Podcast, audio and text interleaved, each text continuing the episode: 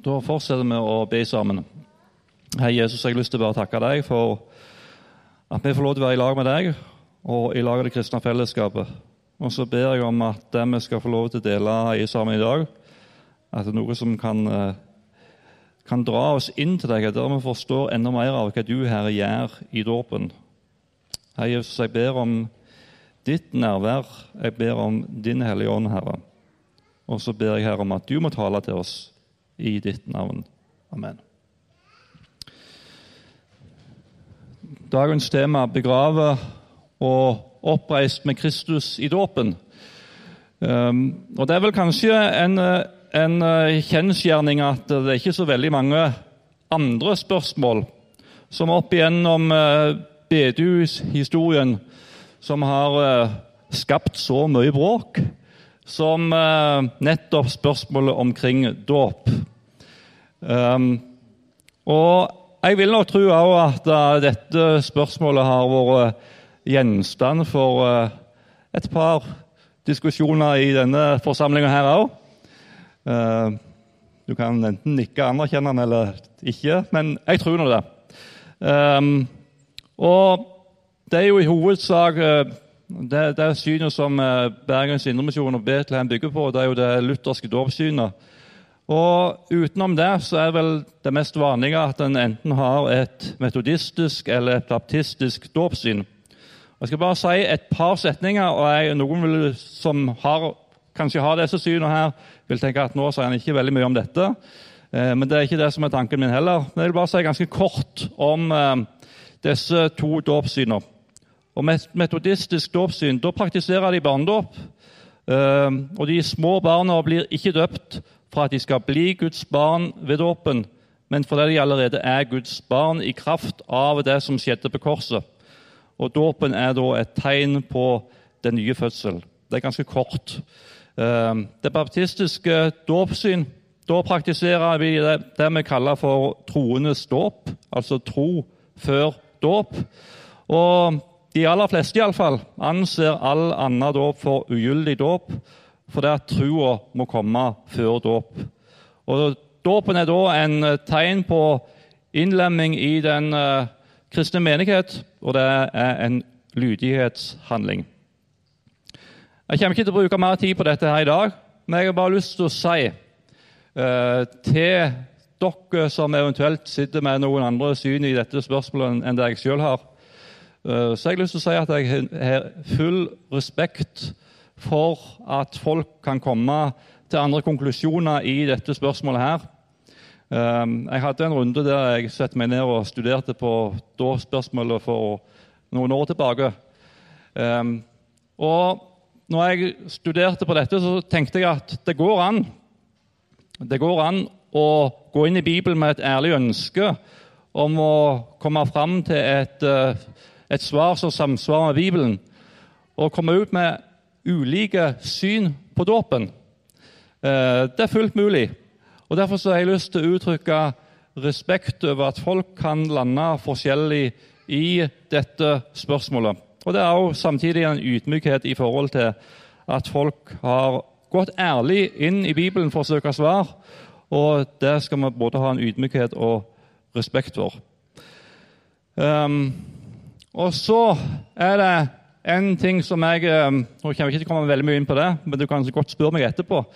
Eh, samme hva dåpssyn en lander ned på, så tror jeg det, Hvis en vil være ærlig, da, så tror jeg det vil være noen bibelvers som allikevel henger i løse lufta, som ikke får helt til å stemme med det som er ens eget dåpssyn. Um, og Det må jeg si som har et luthersk dåpssyn, at det er noen bibelvers som jeg kjenner henger litt i lufta. Jeg kan, prøve, jeg kan forklare dem, men da opplever jeg sjøl at jeg legger inn en forklaring i det som står i Bibelen, enn det som jeg faktisk har myndighet til. Og Det tror jeg gjelder alle dåpssyn som jeg kan lande ned på. Så tror jeg at det vil være noen bibelvers som henger litt i løse lufta. Eh, men nå skal jeg ikke si mer om det. Men nå skal vi gå inn på det som eh, jeg har lyst til å bruke mest tid på denne dagen her, å snakke om dåpen som en velsignelse inn i våre liv som eh, etterfølgere av, Jesus. For det er faktisk det det er. Dåpen er ikke først og fremst et stort diskusjonstema, men det er en velsignelse inn i våre liv som etterfølger av Jesus. Og Da går vi til det Jesus sjøl har sagt i Matteus 8, 20, vers 18-20. Det er jo Jesus sjøl som har innstifta dåpen og befalt oss om å gå ut og døype til Faderens, Sønnens og Den hellige ånds navn, og lære dem å holde det som jeg har befalt dere. Hvis du ser på det som står i disse versene, her, så, ikke, så kommer du ikke utenom at i dåpen så er det et før og et etter. Og Veien til disippelskap handler om en ny start som skjer i dåpen, og en utvikling videre der vi lærer å holde alt det som Jesus har befalt oss. Og Ikke lenge etter at Jesus gav oss misjonsbefalingen, så står Peter fram på pinsenfestens dag. Og Resultatet kan vi lese om i Apostelens gjerninger kapittel 2 og vers 38, der de spør hva skal vi gjøre. Så, eh, hva skal vi gjøre, Peter, så vi kan få lov til å bli frelst? Så sier han det. Vend om og la dere døpe i Jesu Kristi navn, hver og en av dere, så dere kan få tilgivelse for syndene og dere skal få Den hellige ånds gave. Dåp gir altså tilgivelse for synd, og det gir Den hellige ånds gave. Og Det er jo ikke noe småtteri. Så når de spurte hva skal du gjøre, så var det snakk om å vende om og la seg døpe til Jesu Kristi navn. Men det avgjørende vendepunktet kom da, eh, som vi leser om i vers 41. De som tok imot budskapet hans, ble døpt og den dagen ble det lagt til omkring 3000 mennesker. Og Fra det øyeblikket de var døpt, så kunne de telles som en del av den kristne menighet. Og Sånn fortsatte det utover i hele apostlenes gjerninger. Det var en ny start som skjedde i dåpen. Du kan lese om den etiopiske hoffmann. Du kan lese om når Paulus ble en kristen, når han ble frelst. Du kan lese om Kornelius, som var en hedning som ble døpt med hele hans hus. Det var en ny start som skjedde i dåpen. Hvis vi går videre i, um, i uh, brevene som Paulus skriver, så snakker han om å bli døpt til Kristus, og han snakker om å bli ikledd Kristus. Og Vi går da til Galaterbrevet kapittel 3 og vers 26 og 27. Og Der sier han alle dere er jo Guds barn ved troen på Kristus Jesus. Og Så kommer begrunnelsen for at de er Guds barn ved troen på Jesus Kristus. På Kristus Jesus. For dere, så mange som ble døpt til Kristus, har ikledd dere Kristus Kristus. Og Trua er jo det som gir barnekår, men her står det at begrunnelsen for at trua er der, er at en ble døpt til Kristus. Dåpen gir tru. Eh, hvem kan tro egentlig sjøl? Altså, kan jeg som voksen kan jeg tro sjøl? Det er Gud som må skape troa i vårt hjerte og i vårt liv. Og Det samme tenker jeg med et lite barn som bærer fram for Gud i dåpen. Jeg synes det er utrolig. De kan ikke gjøre en eneste ting, men det er Gud som gjør et verk. og Det er Han som skaper et liv i dem. Um, og Her er det to uttrykk som blir brukt. Dere som er døpt til døpt, har ikledd dere Kristus. Og Hvis vi går litt tilbake i tid, så var det vanlig etter at de ble døpt, at de ble iført en hvit drakt, um, som var en, en, um, en, slags symbolsk handling. Der det ble symbolisert at de ble ikledd Kristus, fullstendig dekka av Han.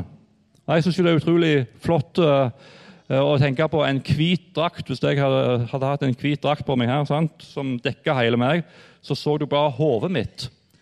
Og På den måten så blir vi ikledd Kristus i dåpen. Vi blir dekka fullstendig av Han. Så når Gud ser på meg, så ser han, eh, så ser han Jesus. Han ser hans rene liv. Han ser hans rettferdighet. Og Det er noe som Gud gjør i dåpen. Dere som har, er blitt døpt til Kristus, har ikledd dere Kristus. Og Det andre uttrykket som vi ser her i dette verset, eh, døpt til Kristus, det kunne like godt vært oversett med 'døpt inn i Kristus'. Og Når vi taler om det å være kledd i Kristus, som står her, her, eh, her, til slutt, så er jo det flott. Men det er enda sterkere uttrykk, det som står her, å bli døpt inn i Kristus, eller til Kristus. Vi kan jo tenke på noe som vi har utenpå oss, ikke sant? Som, som kan berøre oss mer eller mindre tett. Men når vi snakker om til Kristus, inn i Kristus, så viser det at vi er fullstendig flytta inn i Han. Vi er blitt forena med Han. Og Det syns jeg er utrolig flott å tenke på når vi blir døpt til Jesus Kristus. Det andre som jeg har lyst til å bruke litt tid på her, det som står i Romerbrevet kapittel 6, og fra vers 3 til 5. Der står det om å bli død, begravet og oppreist med Kristus i dåpen. Og Der står det Eller vet dere ikke? Og underforstått, selvfølgelig så vet dere dette som vi her snakker om, at alle vi som ble døpt til Kristus Jesus, ble døpt til hans død. Vi ble begravet med ham da vi ble døpt med denne dåpen til døden. Og som Kristus ble reist opp fra de døde ved sin fars herlighet, skal også vi vandre i et nytt liv. Har vi òg sammen med Kristus i en død som er lik hans, skal vi være ett med ham i en oppstandelse som er lik hans. Noe av det flotteste som skjer i eh, dåpen, og noe som vi ikke kan forstå med tanken vår, eh, det er at, at, at Jesu død og oppstandelse det ble min død og oppstandelse. Jeg kan ikke forstå det. Men Jesus døde og ble begravet for nesten 2000 år siden. Men på min dåpsdag så ble jeg forena med den døden og oppstandelsen som skjedde for nesten 2000 år siden. Det er noen som liker å si at jeg, eh, jeg ble um, frelst for 2000 år siden på Golgata. Og en kan jo forstå hva de mener. Men Bibelen sier det ikke akkurat sånn. Den sier at den dagen jeg ble døpt, så ble jeg forena med Jesus i det som skjedde med han den gangen. Hans død ble min. Hans begravelse ble min. Hans oppstandelse, den ble min. Og Det er ganske sterkt, det som står her i Romerbrevet kapittel 6. Og det var ikke, det var ikke slutten eh, Det var ikke slutten at vi bare ble reist opp med Han. Men det der står at vi vært reist opp med Han til et nytt liv. Um, det står videre, det har ikke vi her på veggen, her, men i vers 8 i samme kapittel Er vi døde med Kristus, tror vi at vi også skal leve med Han. Dåpen og ser du i, i um, Hvis du går hjem og leser Romerbrevet kapittel 6 og ser på alt det som står rundt omkring om uh, å vandre i et nytt liv, vandre i et liv i etterfølgelse av Han, så har det hele et utgangspunkt i det som skjedde da vi ble døpt til Kristi død og oppstandelse, og der vi faktisk skal få lov til å leve i et nytt liv i etterfølgelse av Han. Dåpen er altså en innvielse til et hellig liv. Så lenge du lever, så står du i et kontinuerlig kall i etterfølgelse av Jesus. Men det som gjør at dette livet er mulig, er faktisk det som skjedde da jeg ble døpt. Da jeg ble forena med Jesu død og oppstandelse. Er du døpt, så skal du få lov til å regne deg som død for synden, men du skal få lov til å regne deg som levende for Gud. Og Det er dåpen som gjør at vi kan få lov, gjør at vi kan få lov til å leve et liv i etterfølgelse av Jesus Kristus. Men hvorfor i all verden døper vi våre barn, da? Det er jo mange som kan stille seg et sånt spørsmål. Sikkert noen her òg. Um, ehm, og alle eksempler som vi har nevnt fra apostelens gjerninger, uh, det er jo det vi vil kalle for troende dåp, der det var tru før dåp.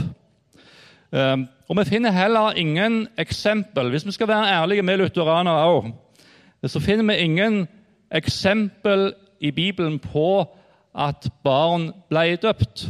Du kan jo tolke en når det står at de ble døpt med hele hans hus. Men det står ikke konkret at det var noen som var spedbarn. Eh, det finner du ikke i Bibelen at det står at det var spedbarn som ble døpt. Og, um, og hvis, vi, hvis, vi, reflekterer litt omkring disse spørsmålene her Hvorfor finner vi ikke eksempel på at barn ble døpt? Og En av de forklaringene som i hvert fall dukker veldig opp i mitt hode, det er at det var jo den første generasjons kristne. Evangeliet gikk til nye områder, til nye folkeslag. Og Så de da, kom de da til tro, og så ble de døpt. Men vi ser ikke hva som skjedde i andre generasjons kristne. Det forteller ikke historien i Bibelen om, om hva som skjedde der. Men hvorfor i all verden døyper vi barna da? Og først, hva er det Bibelen sier om oss som mennesker? I eh, Salme 51 og vers 7 så står det ja, med skyld ble jeg født. Med synd ble jeg til i mors liv. Og i Romerbrevet 5 vers 18 et menneskes fall ble til fordømmelse for alle mennesker. Det er jo ikke akkurat noe sånn lystig lesning, akkurat. men det sier noe om at det lille barnet som blir født er fortapt uten Jesus. Hva er det med den som har synd, og den som har skyld? Jo, den er jo fortapt uten Jesus. Um, og de har ingen mulighet til å leve til Guds ære. Og Så har vi da tidligere snakket noe om hva det dåpen gjør for noe. Vi tar det igjen i korte trekk. Jeg blir ikledd Kristus. Jeg blir død, begravet og oppreist med Kristus til nytt, nytt liv. Jeg får tilgivelse, jeg får Den hellige ånd i dåpen. Og Da er det bare ett spørsmål som står igjen. Er det, no, er det, noe av det som Bibelen sier om dåpen, som barna våre, de som er født med synd og skyld, ikke trenger? Og Da er svaret mitt ganske innlysende. Klart de trenger alt det som dåpen gjør. Og Jesus han sa jo det Eh, de som bar disse små barna til han for at de skulle røre med han, men disiplene viste dem bort. Og Da Jesus så det, ble han sint og sa til dem fra Matteus, Markus 10 og fra vers eh, 13 um,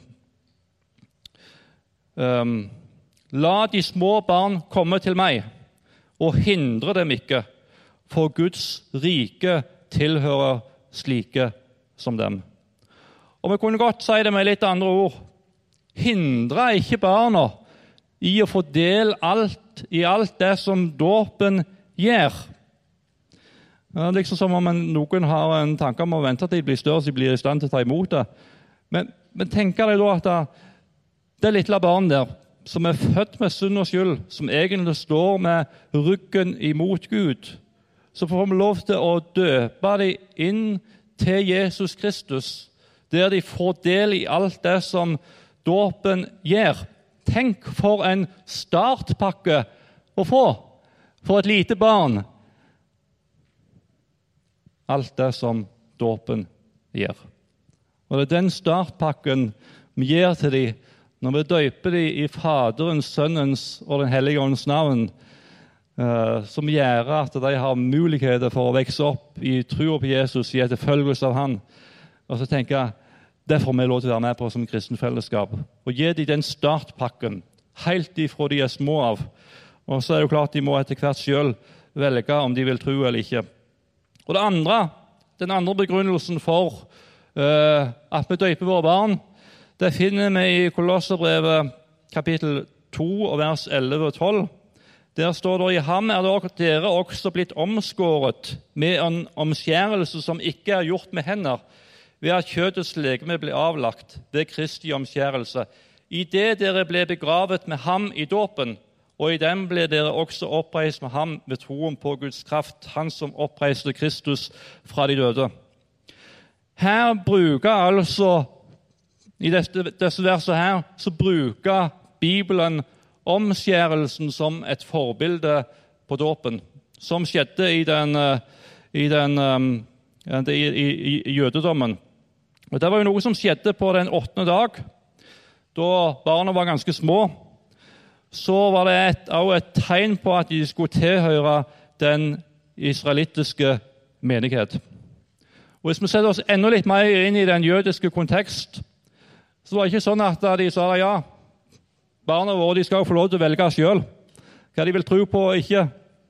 Det var et ansvar som de tok som foreldre, og spesielt som fedre, om at vi har ansvaret for dem faktisk til å lære dem om den Gud som de tror, den som vi har fått lov til å tro på. Vi skal lære våre barn til å følge etter den Gud som vi får lov til å følge etter. Og Det første som skjedde da, var at de ble omskåret på den åttende dag. Eh, og Vi døper også barna for at de skal tilhøre Jesus Kristus og samtidig bli en del av Guds menighet på denne jord. Um, og Tro og dåp hører i nøye i sammenheng. Her kunne vi begynt å snakke om mye forskjellig, men jeg har ikke tid til det. Jeg tror vi har en tale til om dåpen her i Betlehem. Men det er ganske mye stoff å, å, å dukke, dukke, ned i her i forhold til, til dåpen.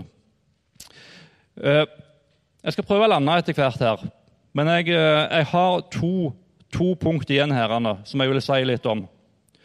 Og Det ene handler om forholdet mellom trua og forkynnelsen. Trua er så neste bilde bare. Trua er alltid en gave ifra Gud, enten vi er voksne eller barn. Og Når det står at vi i dåpen blir ikledd Kristus, så er det ingen som kan bli ikledd Kristus uten tru. Og Ergo så må Gud gi trua i dåpen til barna. Men er det kun gjennom denne måten at Gud skaper tru, vil noen spørre. Vi mennesker har vanskelig for å ha to tanker i hodet samtidig. Iallfall vi som er menn, har vanskelig for å ha to tanker i hodet samtidig. Eh, men Gud han, er, Gud han er en kreativ Gud, og han gir sine gaver på ulike måter. Og To av de måtene som han gir sine gaver på, det er gjennom forkynnelsen og det er gjennom dåpen. I Romerbrevet kapittel 10 vers 17 så står det så kommer da troen av det budskapet en hører, og budskapet kommer av Kristi ord.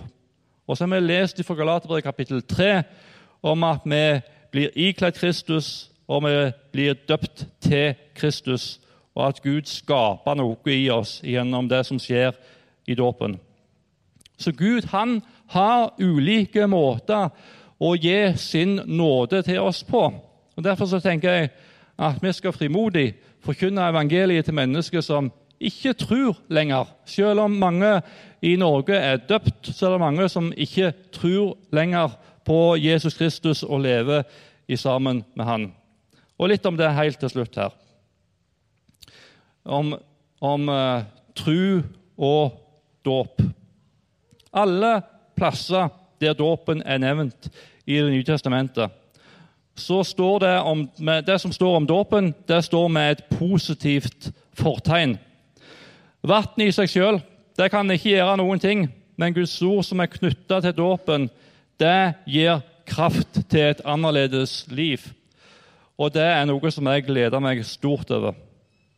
Og Jeg vil slutte med et av de mest sentrale dåpsordene som vi finner i Bibelen, der Jesus sa før sin himmelfart Den som tror å bli døpt, skal bli frelst. Og, men den som ikke tror, skal bli fordømt. Ingen som leser dette ordet, kan si at dåpen den er ikke viktig. Det kan ingen si. For det har faktisk en betydning i forhold til om vi kommer innenfor dørene en gang, eller vi blir stående utenfor dørene en gang. Så dåpen er faktisk viktig. Den som tror å bli døpt, skal bli frelst, men den som ikke tror, skal bli fordømt. Um, men ordene fra Jesus er òg alvorlig for den som er døpt, og som ikke lever i trua på Jesus Kristus. På dommens dag så kan en ikke komme fram fra himmelens port og si ja, jeg er jo døpt, så himmelen den må jo stå åpen for meg. Um, det sier noe om for det står her, den som ikke tror, skal bli fordømt. Og Det handler om at det livet som en gang ble skapt i dåpen, det er noe som fortsatt må få lov til å leve i våre, i våre liv. Det store spørsmålet for oss alle det er faktisk derfor om Jesus lever i hjertet mitt i dag.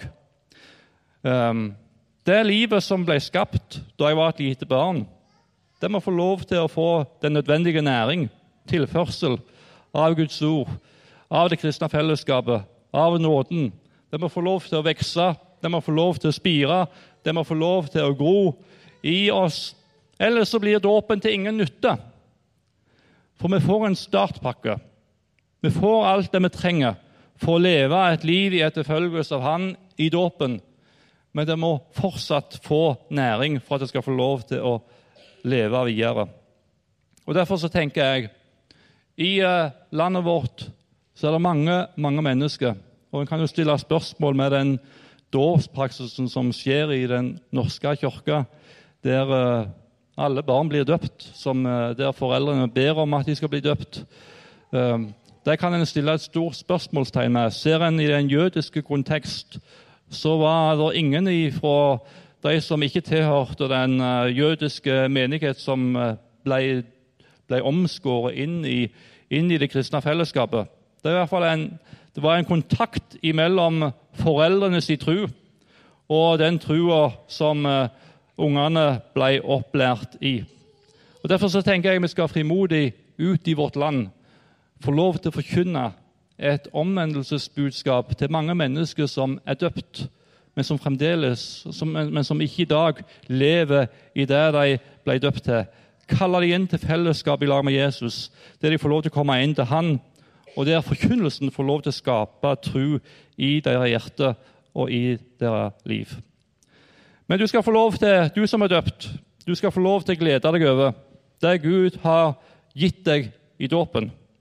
La det få lov til å leve i deg i dag. Og la det Gud har gitt deg, få lov til å utfolde seg igjennom din munn, dine hender og dine føtter, sånn at han andre mennesker kan få lov til å møte Han som betyr aller mest for oss. Og Herre Jesus Kristus, jeg har lyst til å takke deg for det verket som du har gjort i mitt liv, i dåpen. Jeg forstår det ikke, men jeg tror det som du har sagt i ditt ord, Herre. Og så ber jeg om at det du har gitt meg, Herre, at jeg må få lov til å leve i meg hver dag. At det livet som du har skapt, Herre, det får lov til å vokse det får lov til å utfolde seg, og det får lov til å spire, det får lov til å gro, Herre. Og så ber jeg for alle oss som er her. Du kjenner hjertene våre, Herre. Og du vet, Herre, hvor vi er henne. Jeg ber Herre om at det du en gang gjorde med oss i dåpen, at det er noe som må få lov til å leve i alle våre liv. At det får lov til å vokse, at det får lov til å gro, at det får lov til å utvikle seg. Og så ser du, Herre, de mange mennesker utover vårt land som en gang ble båret til deg i dåpen men som i dag ikke lever i sammen med deg, Herre. Jeg ber om at du må kalle deg inn til et, inn til et nytt liv i sammen med deg.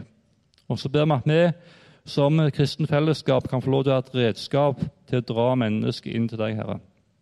Herre, det ber jeg om. Og så takker jeg deg igjen for Benjamin og Ingrid, Herre, som vi har fått lov til å bære fram for deg i dag. Jeg ber om at du må velsigne dem. Jeg ber om at du må bevare dem. Jeg ber om at du må lede dem på din vei. I ditt navn.